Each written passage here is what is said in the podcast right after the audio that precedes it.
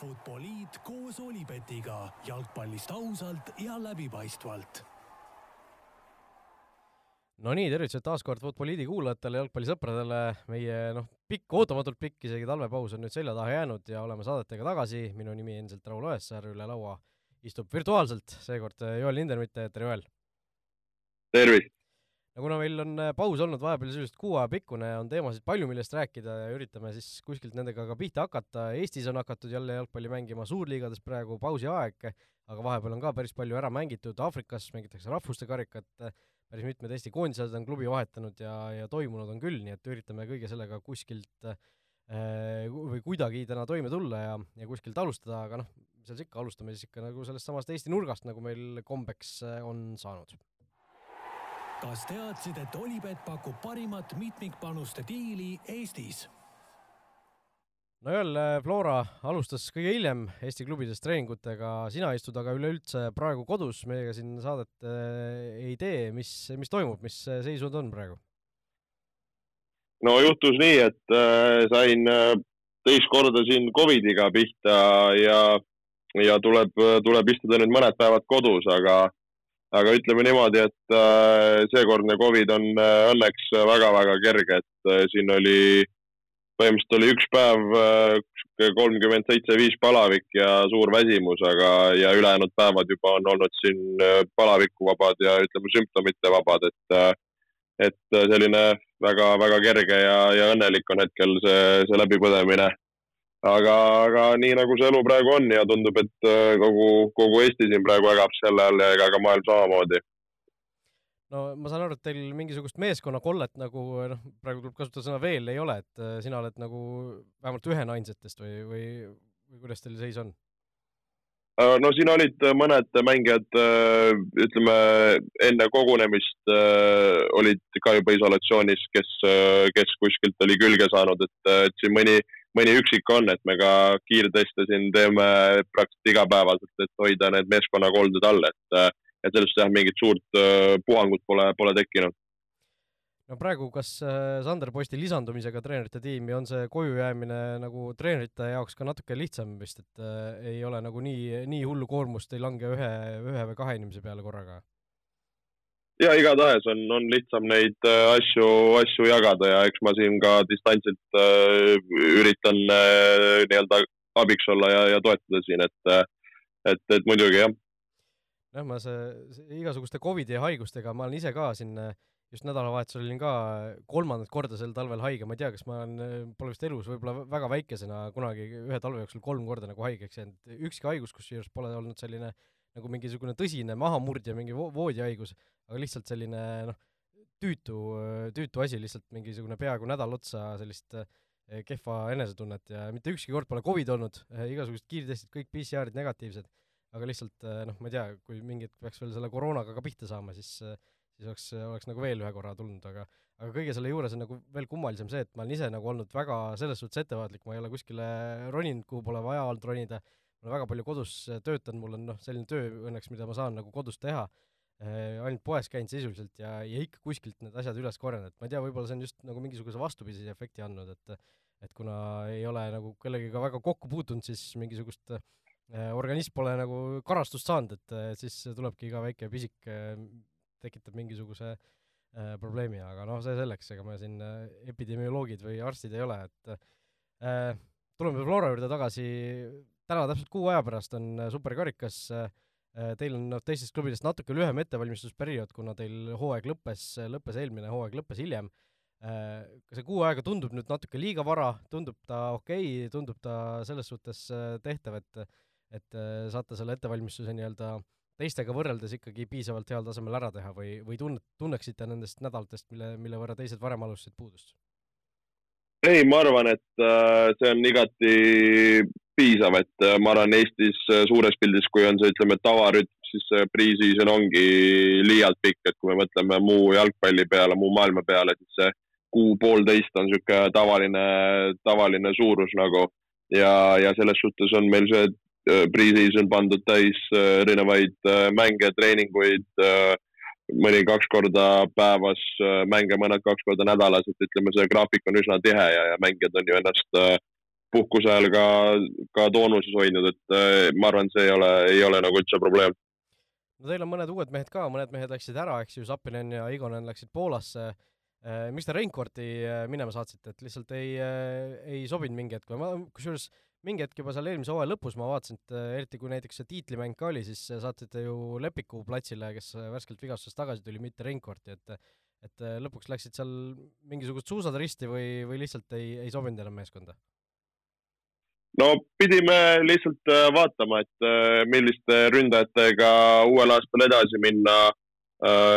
noh, kui Sapineni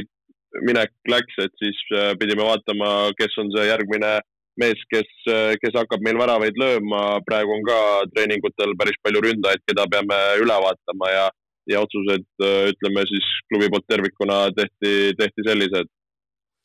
okei okay,, väga diplomaatiline vastus jälle muidugi no teised mehed ka, Tartu Tammekast, eks ju, Tristan Koskor, Mihkel Järviste tõite, samal ajal Levadia äh, toob siin Liiliu, toob Artur Pikad, et äh, kas, kas nüüd äh, asjad on niimoodi läinud, et Levadia alustab uut hooaega soosikuna või? ma arvan, et äh, kuidas kellelegi äh,, ma arvaks, et äh, meie, meie, kui vaatan enda nii-öelda prillidega, siis, siis näen meid äh, kindla, kindla soosikuna, aga, aga seda eks meedia ja, ja inimesed vaatavad ise, kuidas ja kes. muidugi Liiliu selle koha pealt äh, kõva täiendus äh, Eesti liigat äh, teab, mis on, et äh, ei saa salata, et, äh, et selle koha pealt äh, hea täiendus. igasugused äh Levadia viimase aja, ütleme, täienduste muster on selles suhtes huvitav olnud, et igasugused Liljud, Kabajevid, Manutšad, kõik mingisugused endised Nõmme Kalju mängijad ja Maximiliano Uche ja eks ju, ja ja mõned, mõned mehed seal veel, et äh, ma ei tea, kas see on mingisugune vaimuvaesus, nostalgialaks või niisugune kindel, kindel suund, et varem Eestis mänginud välismaalased endal tuua, kes oleks võib-olla kõige kõige niisugusem veidram endine Kalju mängija, kelle Levadia võiks endale tuua, mingisugused Kimbalulad ja Kinteerid, kellest me siin eelmine saade rääkisime, et nemad võib-olla mitte, aga ütleme seal äh, noh, kes seal võiks olla veel mingisugused endised Kalju, Kalju mehed, kes eh, kõvasid tegusid tegid, see eh, Jorge, Jorge Rodriguez või? Jorge, Jorge Rodriguez jah, just tahtsin sama öelda. aga, aga Nõmme Kaljust rääkides, Nõmme Kalju ise ka ju teeb siin asjalikke samme, Argo Argpeiter on spordidirektoriks toodud ja mingisugune selline eh, hea sportlik suund on nagu sellele kogu asjale seal juurde antud, et vahe, noh, eelmise hooajaga eriti hakkasid seal ju asjad kuidagi väga käest ära minema, niisugune tunne oli olen nõus, et äh, kõrvalt vaadates ka seal asjad nagu tunduvad olevat natukene nagu paremas äh, seisus võrreldes võib-olla eelmise hooajaga ja eks, eks seda neile oli nagu vaja ka, et niisuguse nagu uue puhta lehega oleks võimalik seda asja alustada ja et, äh, et selles suhtes huviga jälgin, mis, mis Kalju suudab siin pre-seasoniga kokku panna, mida uus treener pakub, et et ma arvan, Eesti jalgpallil on vaja, et meil oleks neid äh, tugevaid äh, tipptiime äh, nagu rohkem ja, ja kes suudaks mängida tiitli peale ja ka Euroopas edukalt, et see eelmine aasta, et see Kalju natuke nagu ära vajus, oli kindlasti nagu Eesti jalka mõttes nagu liiga mõttes, ma arvan, nagu pigem kurb. noh, see, seda enam, et meil ju nüüd sel hooajal mängitakse taas nelja euro koha peale, mitte kolme peale, nagu siin paar hooaega on on vahepeal olnud, et, et neljas eurokoht on meil tagasi ja, ja neli klubi siis järgmisel suvel ehk siis kaks tuhat kakskümmend kolm suvi saavad äh, eurosarja mängida. Äh, noh, Paide on, on muidugi seal neljas klubi, kes seal tiitli mõtetega võib-olla seda hooaega alustab või ma ei tea, kas alustab, selles suhtes, et Henri, Henri Anier, äh, Paide eelmise hooaja selge selline ründeliider on nüüd läinud Eestist minema Tai liigasse mängima ja, ja kedagi nagu samaväärset seni pole asemele toodud, on seal igasuguseid Kambja poisse taas äh, taas endale juurde võetud, aga äh, võib-olla Paide on see siis, kes see aasta sellise tippklubidest väikese sammu tagasi seeb või, või arvad, et seda ei juhtu? no kindlasti Hendri Anieri lahkumine ja tema väravad on väga-väga äh, suur kaotus, oleme ausad, siin ei, siin ei ole midagi salata, et Hendri näitas ennast väga-väga äh, heast küljes Eesti liigas ja, ja sellise, ütleme, kaliibriga ründaja asendamine on, on raske, mis sest, et äh, Kaimar Saag, ma arvan, suudab ka Paidest lüüa päris palju väravaid, eks ole näha, kuidas need äh, Kambja poisid on, et nende koha pealt on võib-olla raske öelda, et seal ka ju tegelikult mäletame ju Jata, kui oli omal ajal, lõi, lõi päris korralikult ja niimoodi. et, äh, et eks võib-olla lihtsalt natuke rohkem küsimärke on selle koha peal, aga ma arvan, Paide puhul uh, uus treenerite tiim, mõned uued mängijad, et, et uh, ma ütlen ausalt huviga jälgin, et mis, mis seal nagu pakkuda on, et uh, et nagu juba öelda, et nad kuidagi midagi järgi on andnud, seda ma nagu veel ei teeks, aga, aga, aga, aga ma arvan, nagu siukseid lahtisi, mitte lahtisi kohti, aga nagu põnevaid kohti on seal küll. noh, ja Paide puhul võib-olla isegi kõige põnevam koht ongi see, et kuidas saab Karel Voolaid äh, sellel peatreenerina hakkama, et mees, kes viimati ju äh, klubi jalgpallis töötas äh, aastal kaks tuhat kümme Nõmme Kaljus, et et pärast seda ta vist, või ei, see oli isegi enne seda, kui ta veel seal Soomes, Soomes oli, et pärast seda ta on ju noh, kümme aastat, isegi üle kümne aasta olnud erinevate noortekoondistega seal Jalgpalliliidus koolitajana tööl ja nii edasi ja nii edasi, et et sellise pika pausi järel taas, taas klubi jalgpallis olla, et et on äh, väga huvitav näha, kuidas ta seal hakkama saab ja kuidas tal minema hakkab, on ju. ja muidugi, et äh, ja, ja ka ju Ats Illaste tal äh, nüüd seal juures koos Erki Keskkülaga, et tõesti selline huvitav, huvitav kooslus ja, ja ma arvan, neil nagu treeneritiimina äge, äge väljakutse ja, ja ma arvan, kui vaadata üldse siin, eks ju, mis siin Eesti liigas toimub, et väga palju uusi, uusi peatreenereid, välismaiseid treenereid et äh, ütlen ka nagu, ütleme nagu enda seisukohast, et äh, äge on ka nagu uued siis nagu väljakutsed uute võistkondade näol, uute taktikate näol, uute käikude näol, et mille, mille peale pead ise rohkem võib-olla vaeva nägema ja pusima, et ei ole kõik päris nagu samad näod ja, ja sama, samamoodi nagu on nagu harjunud olema, et, et see, see jälle toob mingit värskust ja, ja põnevust nagu ma arvan üldse liigasse ja, ja ka nagu enda töösse. Jah, Jürgen Henn, Karel Voolaid ja Deniss Belov siis ainsad äh, nii-öelda Eesti peatreenerid Premier Liigas äh, uuel, uuel aastal, et noh, Vladimir Vassiljevit võib ka siin muidugi mainida, aga noh, teame, et tema on pigem ikkagi vormiliselt seal äh, nimetatud peatreeneriks, üheks peatreeneriks, et tegelikult seal ikkagi Marko Savitš on ju see, kes neid põhi, põhiohje hoiab või põhiniite tõmbab. äh,. No Eesti, Eesti mängijate üleminekutest veel rääkides, siis võib-olla tasub ära mainida Mattias Käit äh, Rumeeniasse äh, ja, ja eile tuli uudis ju, et Karl Jakobein lõpuks äh, on siis pärast päris pikka ootust saanud Arsenalist äh, laenule välja äh, Redingi tiimi esiliigasse Championshipi, kes võitleb seal püsimajäämise eest. ja, ja noh, see Karl Jakobeina üleminek selles suhtes on päris huvitav, et seal on üks kahekümne nelja aastane väravaht ees Redingus ja, ja noh, Redingu enda fännid arvavad, et Hein toodi selgeks varuväravahiks. Noh, meie siin loodame muidugi, et ta too-, tuuakse põhiväravavahiks ja eks siis eh, noh, siin järgmised nädalad hakkavad näitama, mis, mis eh, olukord või mis seis tal seal olema hakkab, et jube kurb oleks muidugi, kui ta sinna laenule läheks ja siis seal ka oleks nagu number kaks lihtsalt istuks pingi peal, et seal loo-, loodetavasti mingisugused kokkulepped on kuskil ikkagi tehtud, et see mees hakkab mängima ka. no pigem küll, eks ise tuleb see mänguaeg välja teenida, aga aga suures pildis ma ka väga loodan, et ta, et ta mängib ennast esiväravahiks, sest tal on väga-väga oluline, et ta just saaks meeste klassis äh, mänguminuteid ja noh, championship'is Redingu eest mängides on ikkagi väga, väga, väga kõva ja suur koht, kus, kus mängida. et, äh, et tõesti loodame, et kuskil, kas siis jah, taustal on natuke mingit lepingusse mingeid asju kirjutatud või on ise piisavalt kõva mees. No õnneks on ta selline töökas ja, ja sihikindel mees, võib-olla isegi kui esimene mäng ei ole, et ma arvan, et tal on nagu võimalust ennast sinna põhisse äh, ujuda küll, et äh, aga kui sa korra nagu mainisid siin neid nii-öelda üleminekuid, siis tegelikult ju neid kõvasid üleminekuid, noh, mis on siin jaanuarikuu varasematel aegadel on, on olnud ju teisigi, et äh, siin äh, omakeskis äh, mõtlesin ka, et äh,, et noh, ei mäletagi, kui on, on, on olnud Eesti jalgpallile ja Eesti mängijatele nagu nii vinget äh, üleminekuakent, et kui mõelda, kus, kus liigadesse või kus klubidesse meie, meie mängijad läksid, siis on ikkagi väga-väga uhke olema ausad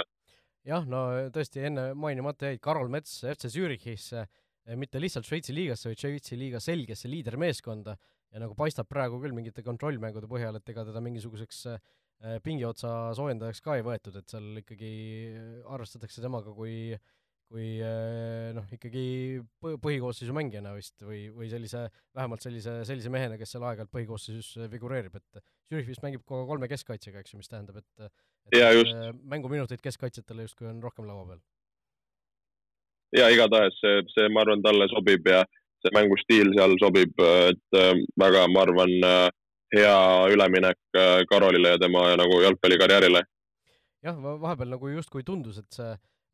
noh, Saudi Araabia, siis Bulgaaria liiga, noh, mis teame, ei ole ju mingisugune eriline, eriline superasi, seal on äh, mõned head klubid, aga tervikuna seal on ju noh, kui, kui sa mõtled ka, mis, millised Eesti mängijad on seal võib-olla mänginud, äh, igasugused Tallinna Ratnikovid ja ja Mark Edurid ja sellised mehed, et äh, see ei tundu nagu selline koht, kus Karol Metsa-suguse staatusega mängija võiks nagu pikemaks peatuma jääda, aga õnneks seal ei, ei jäänudki pikemaks peatuma, et tuli see Zürichi üleminek natuke, natuke võib-olla ootamatult isegi, et nii hea üleminek tuli, aga, aga noh, seda parem meel on, et et selles suhtes väga, väga nagu õnnestunud käik ikkagi tema poolt, praeguse seisuga vähemalt. jaa, muidugi. ja no Erik Sorga Rootsi kõrgliigasse, see mees noh, selles suhtes Eestist ju läks väga suu-, kõrge lennuga minema USA-s ta väga palju väravaid ei löönud, lõi seal vist ühe MLS-i värava, tuli laenule Hollandisse, ega seal ka ju väga palju, noh, alustas võimsalt, eks ju, ja siis äh, natuke see asi vajus nagu ära ja siis tuleb ikkagi see üleminek Rootsi kõrgliigasse pika lepinguga veel, noh, maksti tema eest raha, et et äh, temas ikkagi midagi seal rahvusvaheliselt ka nähakse, et mitte ainult äh, ei löö siin koondises Belgiale väravaid, vaid vaid ikkagi ka rooslased näevad, et temas midagi on endiselt ikkagi sees peidus, hoolimata nendest jaa, Eh, noh, pigem ikkagi ebaõnnestunud ju käikudest nii USA-sse kui Hollandisse. no ebaõnnestunud võib-olla on nagu karm öelda, aga kindlasti mitte nii õnnestunud, et selles suhtes küll, et äh, aga, aga tõesti, et see, et nii suur Rootsi klubi on võt-, nõus võtma sellise pika lepinguga, see näitab nagu usaldust äh,. Rootsi liiga kindlasti ka on nagu selles suhtes, ma arvan, väljakutsuv, et äh, et eks ole näha, kuidas nad seal mängima hakkavad ja mis, mis süsteemiga et, et kas võib-olla nagu kahe ründajaga, mis ma arvan, Rootsi liigast talle võiks nagu rohkem sobida, et kui ta võib-olla peab hakkama üksi seal mängima üksiku ründajana võimsate keskkaitste vastu, siis see ei ole üldse võib-olla nii lihtne, kui, kui võiks arvata. aga, aga igatahes nagu väga-väga nagu hea üleminek, seda, seda kindlasti jah, ja no kõvadest üleminekust rääkides, Aleksandr Kulinitš Saksamaa viiendasse liigasse kuuldavasti, et et kui siin või noh, veel mõelda, mis eestlased on üldse välismaale siirdunud, aga aga noh, eks, eks tema lahkumine, noh, Premiumi-liiga mõttes tegelikult ju asjalik mängija, sest natuke kahju, et ta seal radari pealt nagu natuke ära kaob sellega. no jah, mis selles suhtes, mis, mis radari pealt nagu ta ära kaob siis sinu jaoks? No selles suhtes, et ega me keegi ju ei jälgi seda, seda liigat, ta ühe korra käis veel kuskil välismaal mängimas, tuli noh, tuli siis tagasi. ta oli Sloveenias, Sloveenias oli jah, siis ta mängis natuke kõrgemal tasemel muidugi, või noh, Sloveenia mõttes kõrgemal tasemel, eks ju, aga aga noh, ega, ega no koondise mees ta niikuinii ei ole, aga lihtsalt eh, se-, selles suhtes kahju, et Premium-liiga tasemel nagu väga, väga asjalik mees, kes tugevdaks eh, sealt noh, ütleme koha, kohtadest neli kuni kümme tugevd-, tugevdaks iga võistkonda kindlasti, aga et lihtsalt eh, natuke kahju, et sellised mehed nagu sealt ära, ära kukuvad Premium-liigast või ära lähevad, aga aga noh, eks selliseid üleminekuid ikka, ikka ette tuleb, aga aga Premium-liigast üldiselt rääkides, siis mul on selline tunne, et see tagumine ots ikkagi jääb sel aastal natukene lahjemaks, et eh, noh, Viljandi tuleviku eh, lõpetamisest me ka siin saates pole ju rääkinud või mitte lõpetamisest, aga Premiumi liigast vabatahtlikult loobumisest ja, ja noh, kui vaadata ka seda, mida, mida teeb või mida ei tee Tartu Tammeka, kes ka kuidagi on väga, väga vaikselt seal mingisugust oma asja ajamas ja, ja väga nagu ei paista sealt mingisugust erilist edasi sammu tulemas, siis siis äh, paistab, et Pärnu Vaprus, kes on siin ennast asjalikult täiendanud, äh, neil see püsimajäämine sel hooajal võib isegi väga noh, mitte, mitte lihtne olla, aga, aga selline väga-väga reaalne eesmärk olla.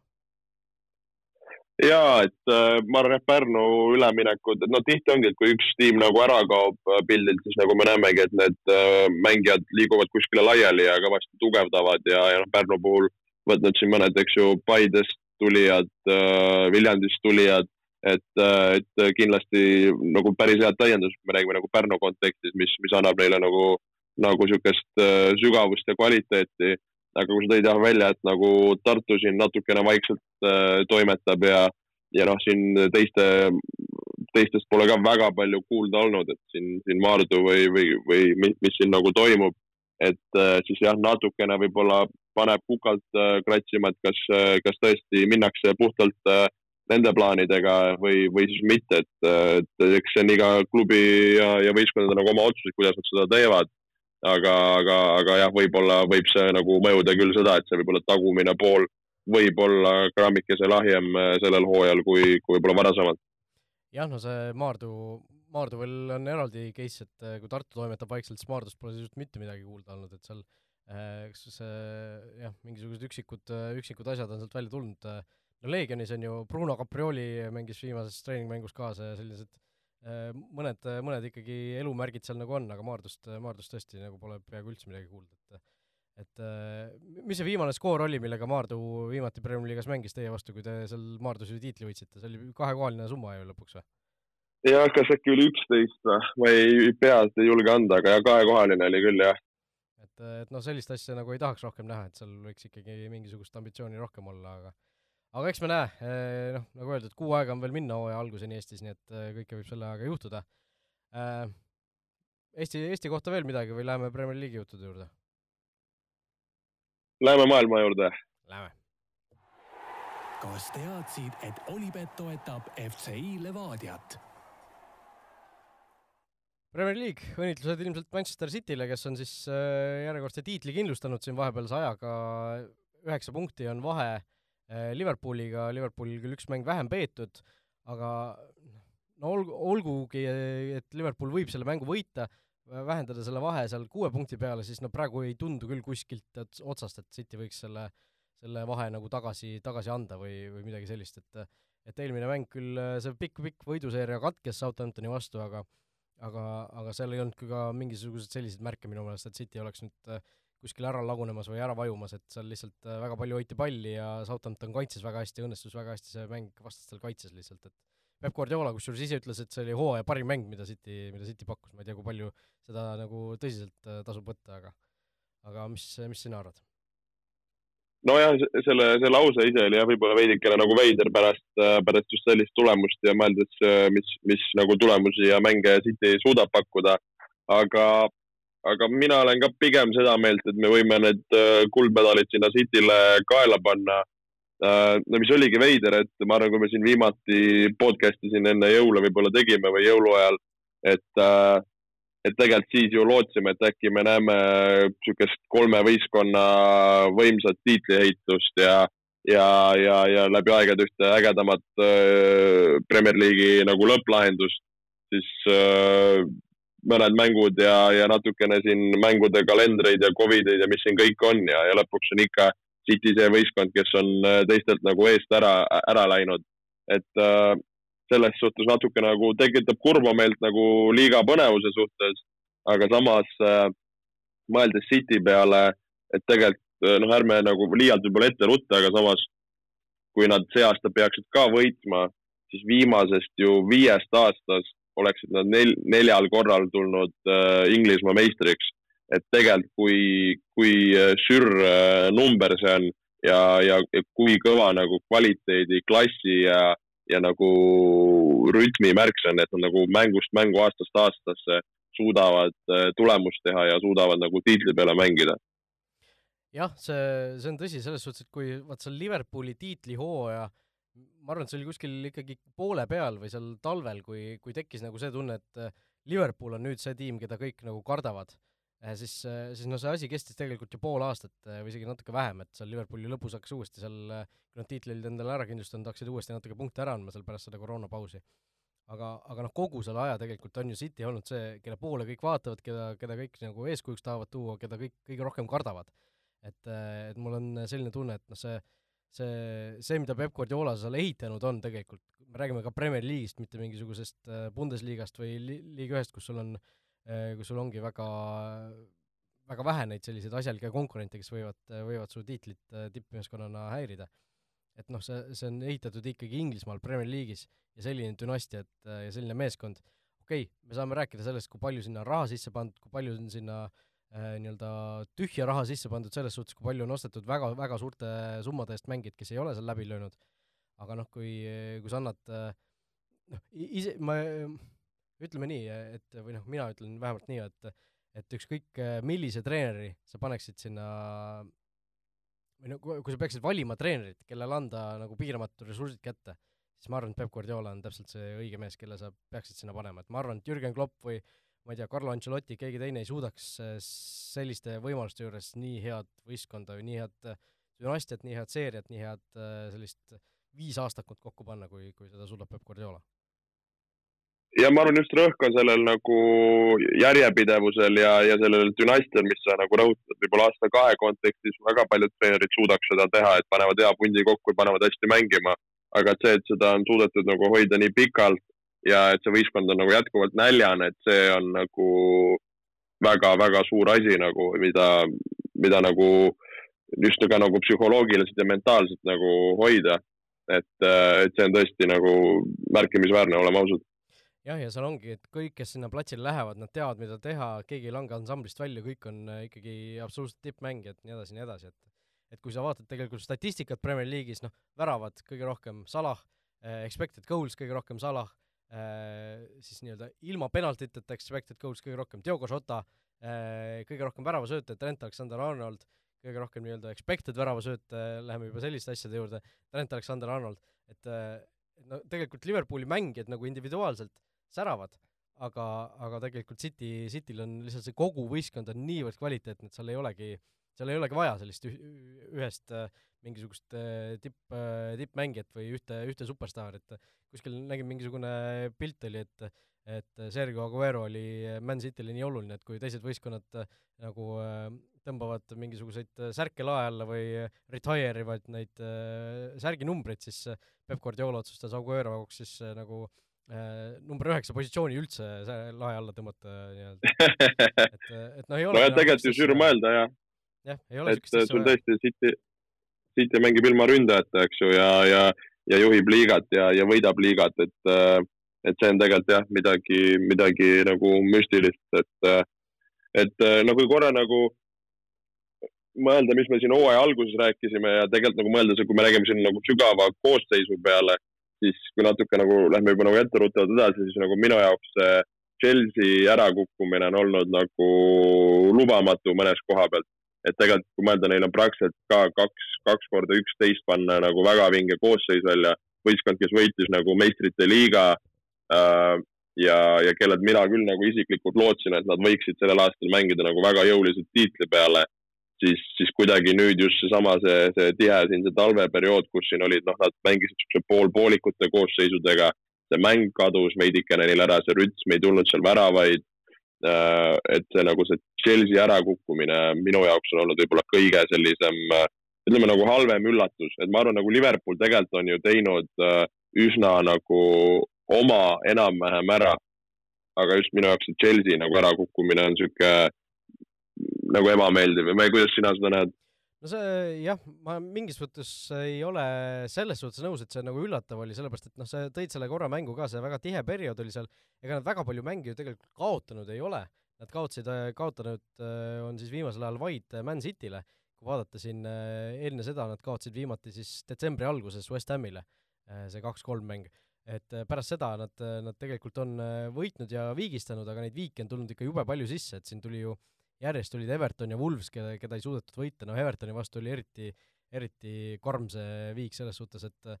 seal seesama expected goals'i seis oli kaks koma seitse versus null koma neli, aga mäng jäi viiki, eks ju. ja noh, see, see Wolvesi mäng, mis tuli kolm päeva hiljem, ja, ja need, need mõlemad mängud olid ju Chelsea jaoks väga raskel ajal, selles suhtes, kui teistel võistkondadel on neid mänge nagu edasi lükatud, siis äh, Chelsea'l oli ju, seal olid ju äh, Eh, Covidis oli pool võistkond oli Covidis, terve ründeosakond oli koroonas, aga millegipärast seda mängu ei lükatud edasi. et eh, Chelsea tahtis seda mängu edasi lükata, aga seda ei lükatud edasi, kui me praegu vaatame, kuidas Arsenalil lükati mäng edasi, sest neil oli üks vend Covidis vist või? ja, ja ülejäänud ühed olid vigastused, vigastatud või välja laenatud või Aafrika seal äh, meistrivõistlustel, et et see, see, kui nagu õhukesega koos, õhukese koosseisuga vahepeal pidi mängima äh, Tuhhel, kus ta pidi väljakule panema ju mängijad, kes olid äh, Äh, nii-öelda täiesti punases tsoonis, kes olid äh, värskelt vigastusest tagasi teinud, tulnud või siis äh, nii-öelda poolvigased üldse, siis, siis noh, tegelikult see, et selle aja jooksul nagu ühtegi kaotust nendest mingisugustest Evertonitelt, Woolsidelt, asjadelt ei saadud, mingis mõttes on isegi nagu muljetavaldav, aga noh, sa, kui sa nii palju viike teed, ega sa tänapäeval Premier League'is nagu kuskile kaugele ei jõua sellega ja see noh, see kaotus Cityle nagu lõi lõpliku templi minu jaoks nende Chelsea tiitlilootuste vastu ja seda küll ja,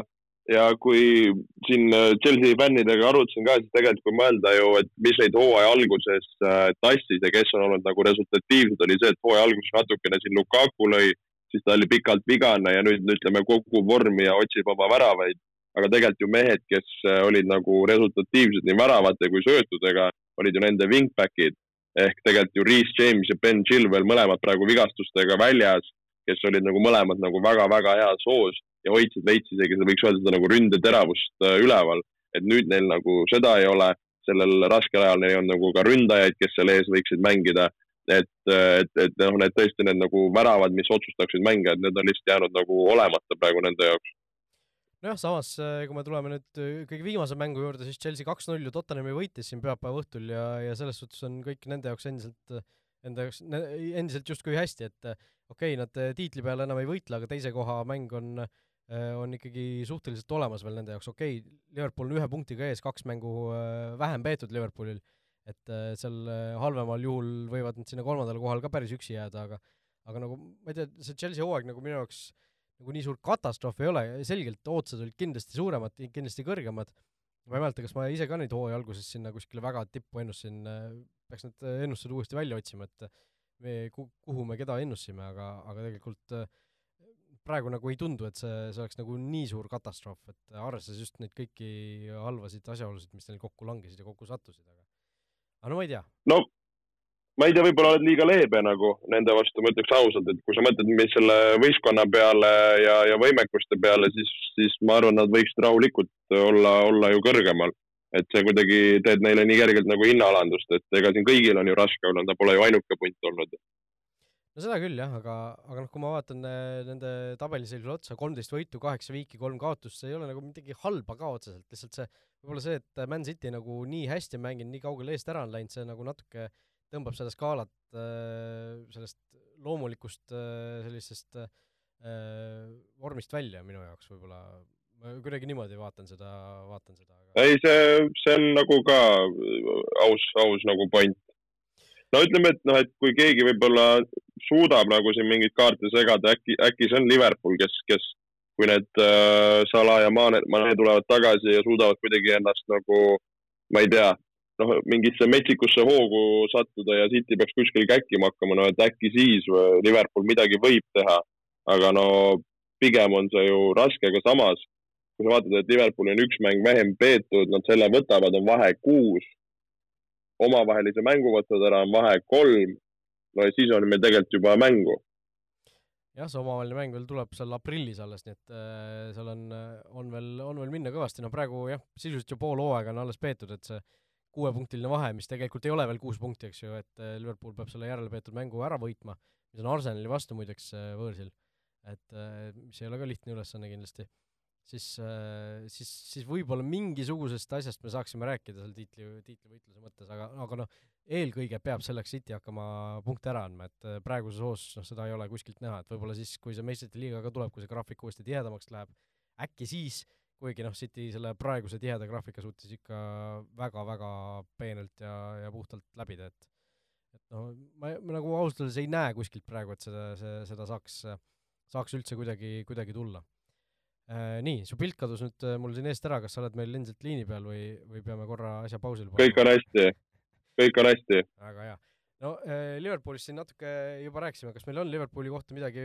veel põhjapanevat öelda, no siin ilma Salahi ja Maneta ja ilma Nabi Keitata ka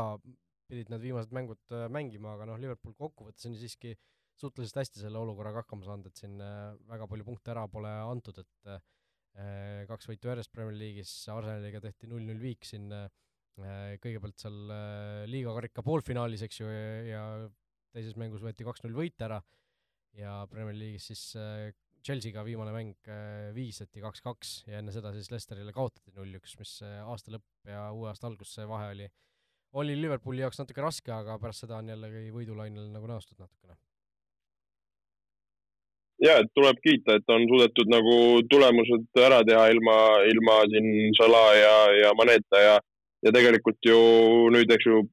Premier League'i selline väikene paus tuleb ka sisse, et põhimõtteliselt saavad need omad pojad tagasi ja, ja siis saab nagu edasi minna, et, et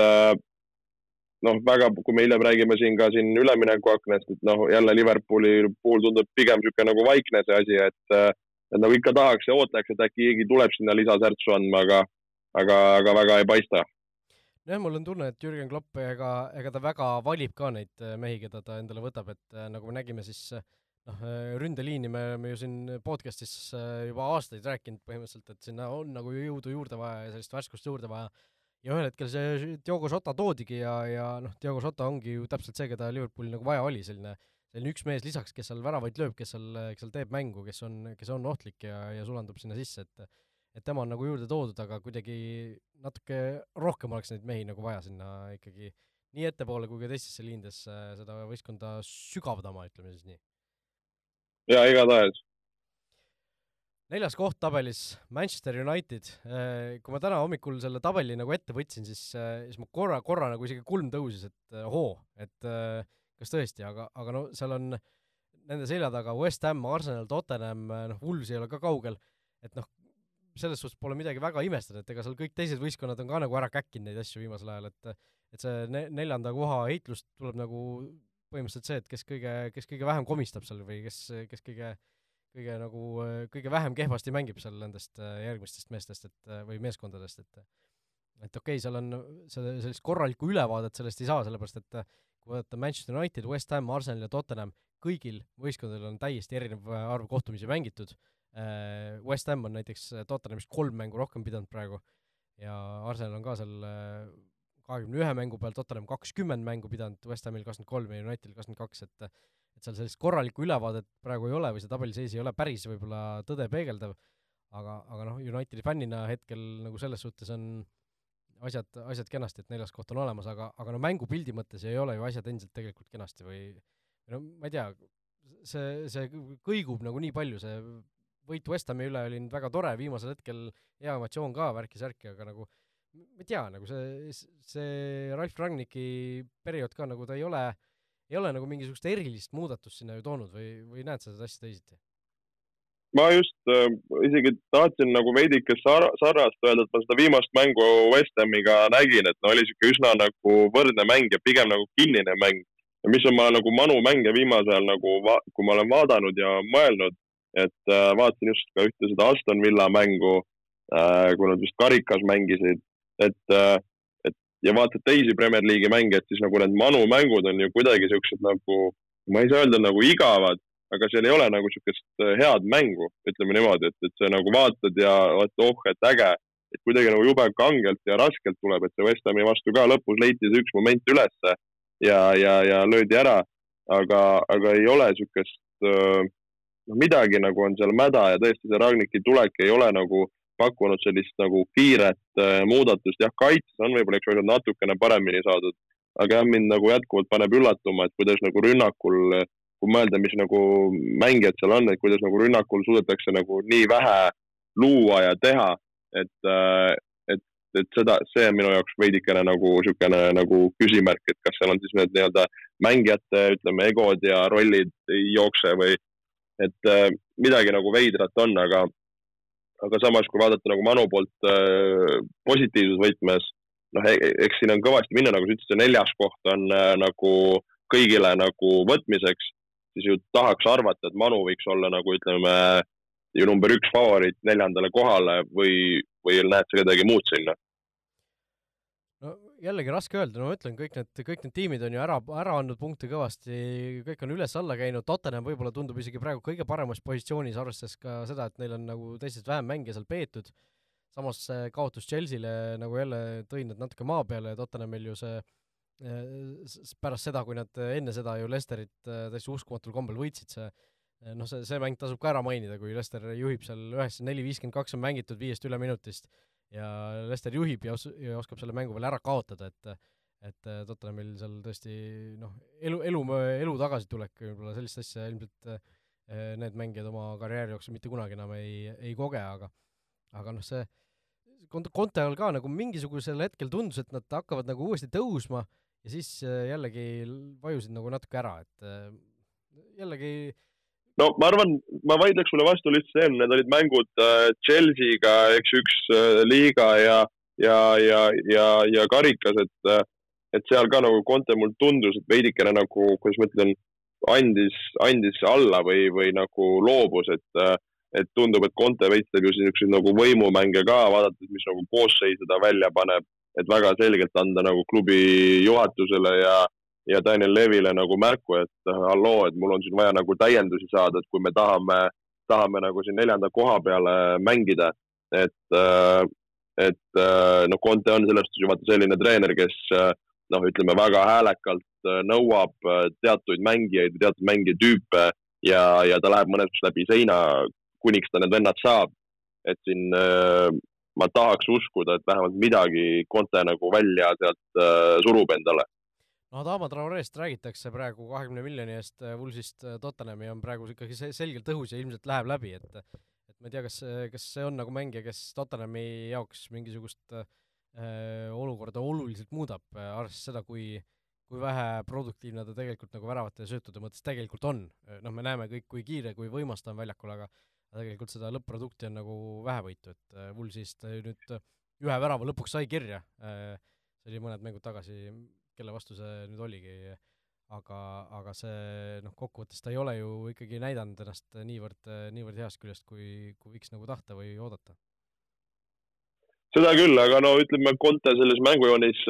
need wingback'id on nagu oluliselt kohal, et ta võib-olla ei peagi nii palju seal neid äh, punne tooma. noh, ma no ma sellest olen nõus, et ma arvan, see ei ole mees, kes nagu lahendab Tottenhami mured, aga, aga kindlasti on see nagu täiendus, mis, mis neid võib nagu aidata.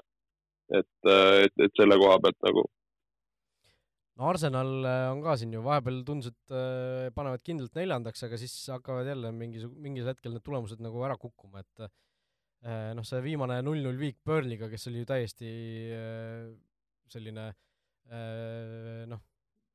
murtud Burnley põhimõtteliselt, kes polnud väga ammu mänginud, kes, kellel olid tipuründes mingisugused J Rodriguez ja Matei Vidra ja vist Vidral mingi song veel, millega ta mängis seal ja no ikka täiesti sihuke noh, haavatud meeskond ja nende vastu kodus noh, ei suudetud väravat lüüa, null-null mäng, et ja enne seda noh, kaotasid seal äh, Liverpoolile seal ka, liigakarika poolfinaalis ja ja, ja kaotas Nottingham Forestile seal FA karikas, et, et kuidagi ei ole nagu hästi need äh, asjad seal, et viimasest äh, viiest mängust äh, kolm kaotust, kaks viiki kõigi sarjade peale. No jaa, eks äh, ütleme, Arsenalil see niisugune stabiilsus, mis vahepeal saadi, järjest äh, tuli nagu võib-olla nagu oli selles suhtes äh, nagu võib-olla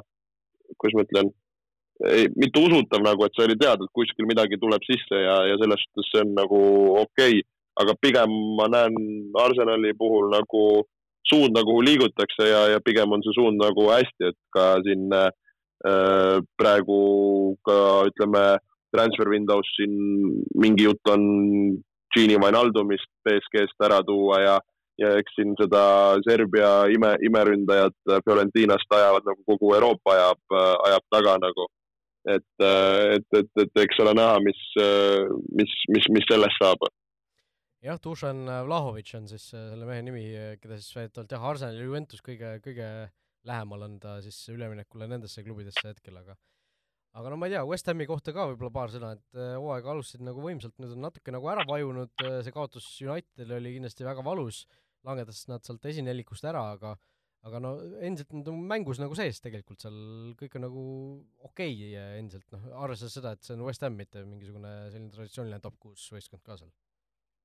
Ja igatahes ma arvan, et äh, ka nende mäng on päris hea, Jared Bowen on, on andnud äh, kõvasti niisugust nagu ütleme, särtsu neile, et äh,, et põnev äh, põnev, põnev on jälgida, et kuhu nad nagu lõpuks välja jõuavad, aga ma usun, et nad kindlasti flirdivad äh, seal edasi, et nad on näidanud ennast ikkagist nagu väga soliidse võistkonnana. kas Premier League'ist midagi veel või läheme Premier League'i Fantasy juurde, mida me ka siin tükk aega pole, pole ju vaadanud? No ütleme, et mis siin äh, võib-olla üleminekutest huvitavat on ju, et eks ju Manu mees Martial äh, Sevillas siin vist täna, täna sai official'iks, et läheb, läheb laenule. ja, ja, ja mis meil on, meil on uus peatreener vist suure tõenäosusega Watfordis. jah, no Roy Hodgsonit tõesti räägitakse siis sinna Claudio Ranieri asemele, no mulle tundub, et see Watfordi peatreeneri positsioon on nagu selline asi, mida nagu ükski normaalne peatreener praegu vastu võtta nagu väga ei tahaks vist, eh, kes, kel vähegi mingisugune nimi on seal, et et, et no olgem ausad, seal üheksateistkümnendal kohal okei okay,, see püsimajäämine ei ole tegelikult kaugel, noh, seal on need tagumised neli võistkonda, noh, Everton on ka, tahab sinna nelikusse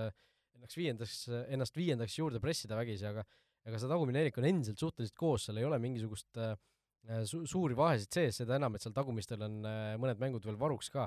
Et äh, okei okay,, see püsimajäämine ei või, ei pruugi olla selline väga võimatu ülesanne, aga ma ei tea, sellel Watfordil nagu ei tundu mingisugust sisu olevat nagu erilist sel hooajal, et äh, kuidagi nagu ei, ei kui, kui ma peaksin valima, kelle sealt alla saata, siis Watford oleks küll üks, üks selline, keda nagu ei oleks kahju sinna esiliigasse saata uuesti või, või ma ei tea, kuidas sulle tundub? ma saan su pointist aru, samas sa ütlesidki nagu ma arvan hästi, et kui mõelda selle nagu tagumise neliku peale, siis seal on ju nagu, plaan on selge. Nad teavad ise ka, et nad on seal tagumises nelikus kõik koos ja neil on vaja lihtsalt üht nagu olla, olla üks punt, kes, kes suudab sellest nelikust nagu välja roomata ja jääda nii-öelda selles nelikus esimeseks ja siis on nende töö tehtud. et ma arvan, nagu kõik nad mõtlevad üsna sarnaselt, et proovime lihtsalt olla see punt, kes, kes sealt äh, välja ujub ja meiega on hästi milline punt see praegu on, ei tea. et see on nagu raske. Norwich on kaks võitu järjest saanud, mis on kohe neid tõstnud. noh, Newcastle, noh, mis siin nüüd äh, üleminekuaknaga saab, et siin Jesse Lingardist on juttu olnud äh,. Sevilla keskkaitsest äh, on, on juttu olnud siin, et äh,, et, et, et kas siin tuuakse nüüd mingeid äh, põnevaid äh, mehi äh, Diego Carlos siis Sevillast keskkaitse päris kalli hinna eest räägitakse ligi nelikümmend miljonit et kui nad suudavad nüüd natukene nagu juurde panna, siis võiks ju arvata, et Newcastle äkki veidikene saab nagu jalgu alla. aga, aga tõesti see Evertoni kehv minek, noh, et nemad, ma tahaks uskuda, nad saavad, saavad jalad alla, sest seal ikkagist nagu klassi on, aga, aga kui sa juba oled sellises nagu allavoolu hooga sees, et ega seda hoogu nagu lihtne peatada ei ole. no seda küll, aga samas äh, Newcastle'i puhul on nagu mõelnud selle peale ka, et et ega see tegelikult ju ei oleks mingisugune eriline suur katastroof, kui nad äh, sinna allapoole kukuksid, et äh, noh, on seal esiliigas, panevad natuke rohkem raha sisse, tõusevad uuesti tagasi, uue hooga lähevad peale, et noh, see üks aasta esiliigas ei oleks ju mingisugune eriline katastroof tegelikult, tegelikult noh, kui, kuigi sellest on no, räägitud nagu, et ma arvan, see ei ol-, see ei ole lihtsalt äh, nagu projekti osa, ma arvan, nagu niimoodi mõelduna. et äh, kui see ikka, see glamuur, ma arvan, on seal ümber, et olla, olla ju Premier League'is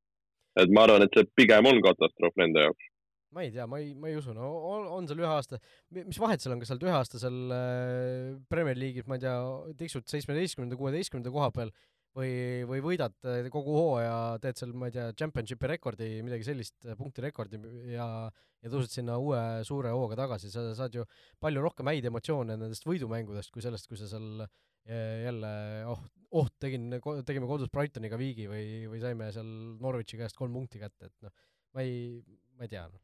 kuidagi, kuidagi nagu tundub. ma lihtsalt arvaks, et kui nad, kui nad äh, suudavad äh, püsima jääda ja suvel jälle uusi täiendusi teha, siis nad lihtsalt uue hooaja alguses on hoopis teine võistkond, kui nad olid seda sellel aastal. nojah, samas, aga praegu ju nagu tundub, et Newcastle ei ürita sellist galaktikust kohe endale teha, et siin ongi niisugused nagu pigem niisugused tagasihoidlikud ja võib-olla isegi targad üleminekud, no see Chris Wood on ju ehtne näide, sa tood Burnley'st äh,, Burnley'st sellise noh, Premier League'i võib-olla kõige ebaglamuursema väravamasina ära, onju, kes paneb sulle kümme väravat ikka hooaja jooksul, äh, toob ära seal tabeli tagumises otsas. ja, noh, palju on ju nalja tehtud, et äh, mis asja, et äh, oodati umbes Coutinhosid ja, ja Messisid ja sa tood Chris Woodi sinna asemele, onju, aga aga noh, tegelikult kui sa mõtled, noh, võib-olla isegi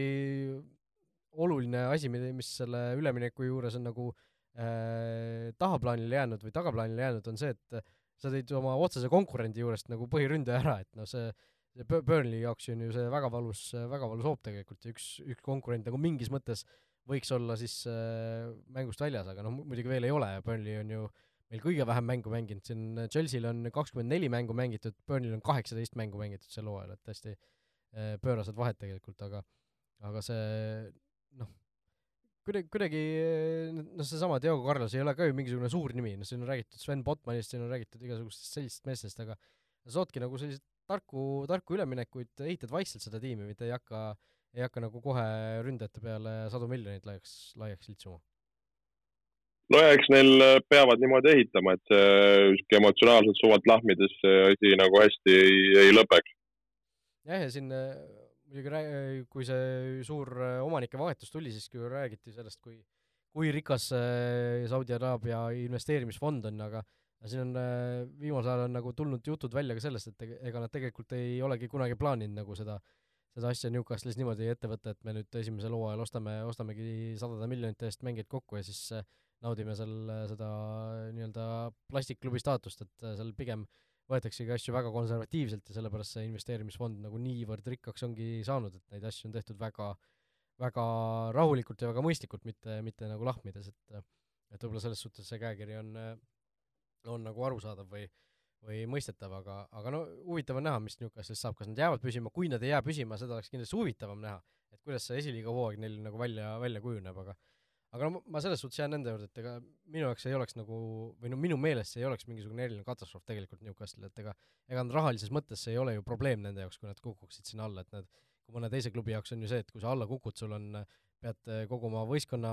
palgarahadest lahti saama, pead kõik need muud kellad ja viled, mis sul seal Premier League'is küljes on, kõigist pead loobuma ja siis kuidagi lootma, et seal ellu jääd esiliigas, siis siis no Newcastle'i puhul ju seda probleemi ei ole, ma arvan, tõuseksid sama järgmisel aastal kohe tagasi ja, ja ei oleks seal mingisugust erilist probleemi, aga no jah, eks näis, eks näis. Fantasy. Läheme Fantasy juurde. Äh, no kuidas läinud on? Äh, ma võib-olla alustan sinuga, siis, siis ma saan oma negatiivsusega sisse tulla no mul siin äh, just see eelmine voor oli hea, kuuekümne kolme punnine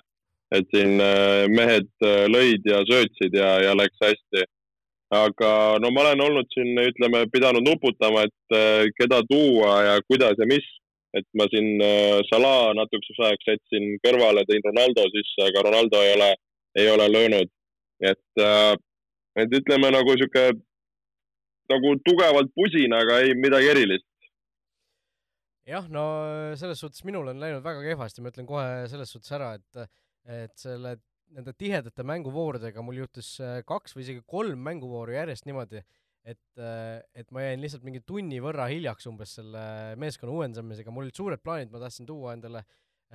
sinna Ronaldo ja Diogo Dalot sisse, vaatasin Unitedil ju väga nagu lihtne mängugraafik tegelikult, eks ju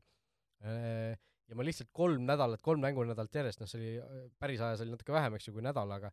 aga see, selle aja jooksul kogu aeg jäin nagu hiljaks selle uuendamisega, mul jäi see eelmine tiim äh, peale, jäi peale, jäi peale. üleminekud läksid seal raisku, kuna ma tegin kolm korda järjest seda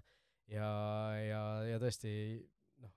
kukkusin seal meie Futboliit koos Evimentaliga liigas ka ikka päris sügavale. Viimane voor praegu üheksateist punkti, see, mis praegu käib, seal on üks mäng veel Burnley ja Watfordi vahel tulekul.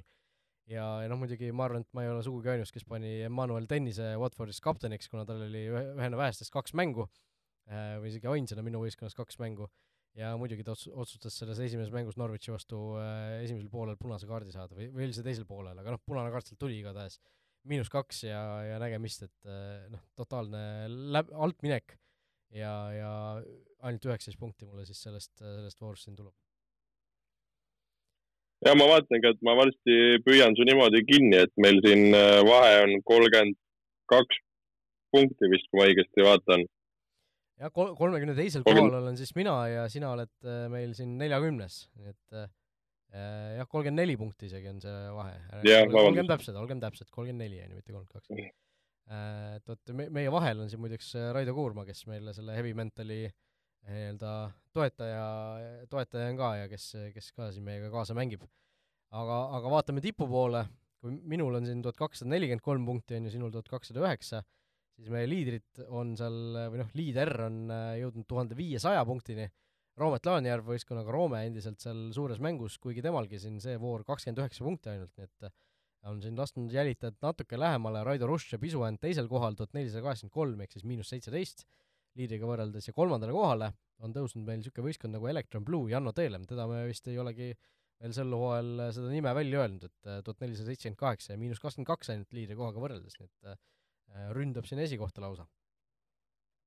jah, ja tõesti, ütleme, see tipp on päris, päris tihe, et tegelikult äh, kuni viienda kohani, ütleme, on siin kolmekümne punnid ja siis tuleb selline väikene vahe sisse, et äh, pange aga edasi. jah, vahepeal oli ju see, liidrid läksid seal nagu päris pikalt eest ära, aga nüüd on need rasked voorud siin tundub, on natuke sellist niidukitööd siin teinud, et on asja, asja võrdsemaks, võrdsemaks muutnud. okei okay,, Fantasy juurest äh, Äh, läheme võib-olla tagasi siis äh, äh, hoopis Aafrika karikavõistluste juurde, Aafrika rahvuste või rahvaste karikas, kuidas kellelegi. no Joel, ma küsisin enne, enne saadet siin sinu käest, sina ütlesid, et sind, sind see väga ei huvita, sa pole vaadanud. no mina natuke olen jälginud seda turniiri, see on, see on alati selline no niisugune mõnus nagu aus turniir selles suhtes, et see jalgpall seal, mida seal mängitakse, kogu see, kogu see korraldus ja see on nagu niisugune, noh, see võib-olla kõlab nagu patroniseerivalt natuke, aga selline äh, selline nagu punk noh, et äh, seal juhtub asju alati. okei okay,, seal juhtub ka negatiivseid asju, nagu juhtus eile, kui kaheksa inimest lausa surnuks trambiti, siis mängu, mängu eel seal üritati, üritati ilma piletita sisse saada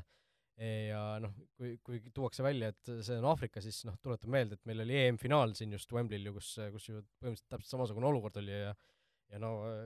ma ei tea, kes tänatud, et seal keegi surma ei saanud, oleks, oleks vabalt võinud juhtuda. aga, aga jah, Cameron ja Comorid eile, eile mängisid, Cameron siis korraldajamaa, äh, see turniir, kes ei ole jälginud, on jõudnud kaheksandikfinaalideni, millest siin umbes pooled on juba peetud või ongi pooled peetud. ja, ja see Cameron ja Comoride mängust äh, selles suhtes äh, tuli fiasko, et et noh, kui me rääkisime siin sellest, et Premier League võib-olla nende edasilükkamistega on noh, läinud natuke liiale, siis, siis Aafrikas, Aafrikas on jalgkorraldajate poolt nagu kindlalt maha pandud, kui sul on piisavalt mängijaid, siis, siis sa mängid, ükskõik, kas sul on väravahte või mitte, ja täpselt selline olukord Komoridel eile oligi, ehk siis kõik kolm väravahti väljas ja, ja väravas mängiski terve mängu siis äh, kaheksandikfinaalis äh, kontinendi meistrivõistlustel tavapärane äärekaitsja, äh, kellel siis särk oli kinni teibitud, sinna oli teibiga mingisugune äh, hädine number kolm peale kirjutatud, jäi isegi paarile löögile ette, aga seal lõpuks ikkagi see mäng, mäng napilt kaotati Cameronile, Komorid lõid väga ilusa värava, kusjuures karistuslöögist veel seal, et kaks-üks tulemus lõpuks jäi ja, ja noh, see see, see kogu turniir nagu selles suhtes on olnud äh, selliste juhtumite poolest, äh, poolest äh, nagu äge või naljakas, et Komoridel kusjuures satsis oli ka üks täiesti Eesti mees, Karim Abdallah. Joel, kas sa julged pakkuda või oskad pakkuda, mis, mis viisil ta võiks Eestiga seotud olla? Karim Abdallah? jah. Anna mingi vihje, muidu on täitsa must maa.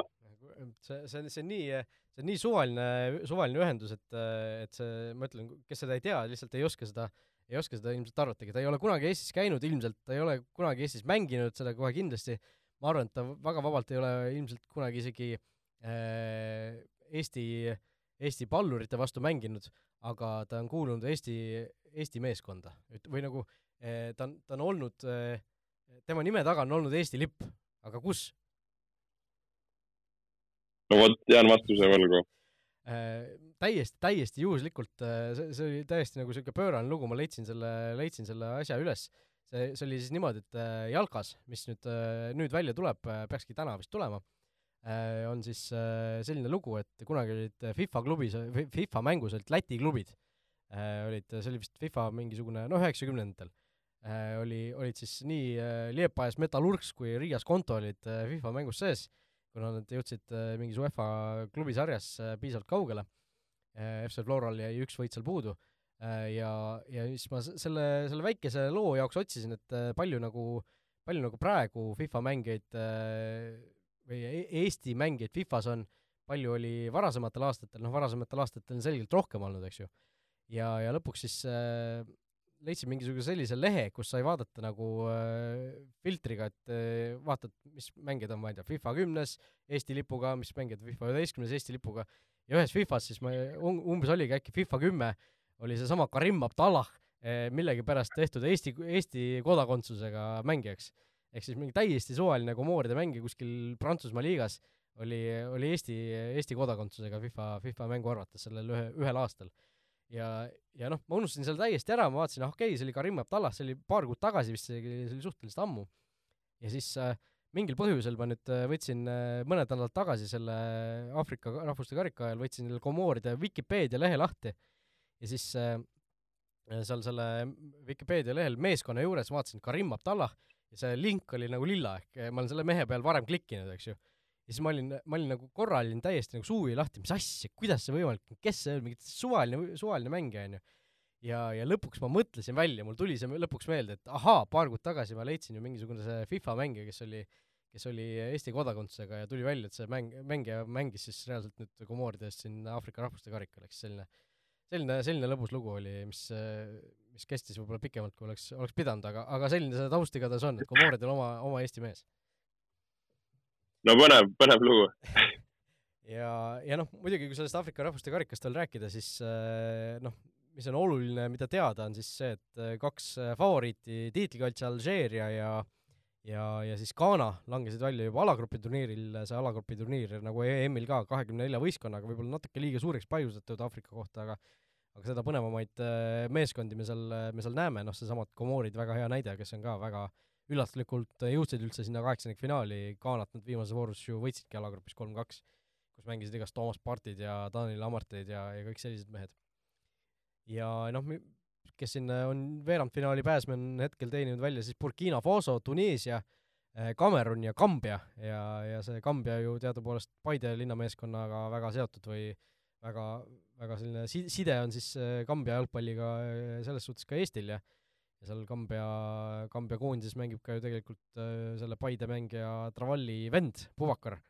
kes, kes on seal, kes kes külastas eelmisel suvel Eestit, äh, Paide reklaamis ta välja kui äh, Kambja jalgpalli äh, elava legendi, kes oli siis selleks ajaks vist üheksa mängu koondises teginud, et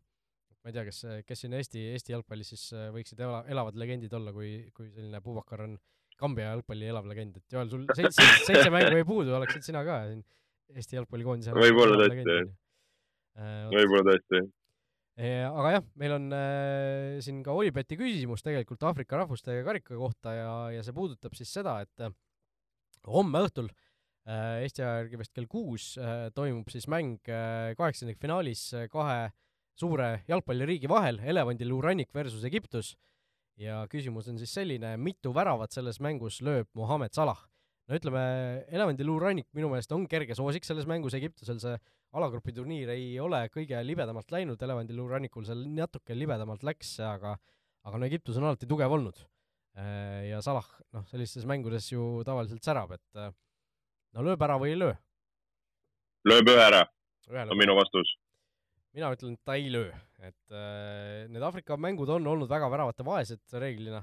ei ole palju väravaid löödud ja ma arvan, et Salahil sel korral ei õnnestu väravat lüüa, aga äh, Äh, natuke kuulake nüüd äh, täpsemalt, sest asjad on pisut muutunud, äh, endiselt saate oma post-, pakkumise postitada siis Olipet Estonia Facebooki lehele meie viimase saate kommentaaridesse. Ja kõigile õigesti vastanutele, kes on samale mängule siis Olipetis vähemalt viie euro suuruse panuse teinud,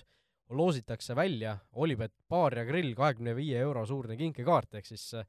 uus auhind ei ole enam tasuta panustamisraha seekord, vaid on hoopis kinkekaart sinna uude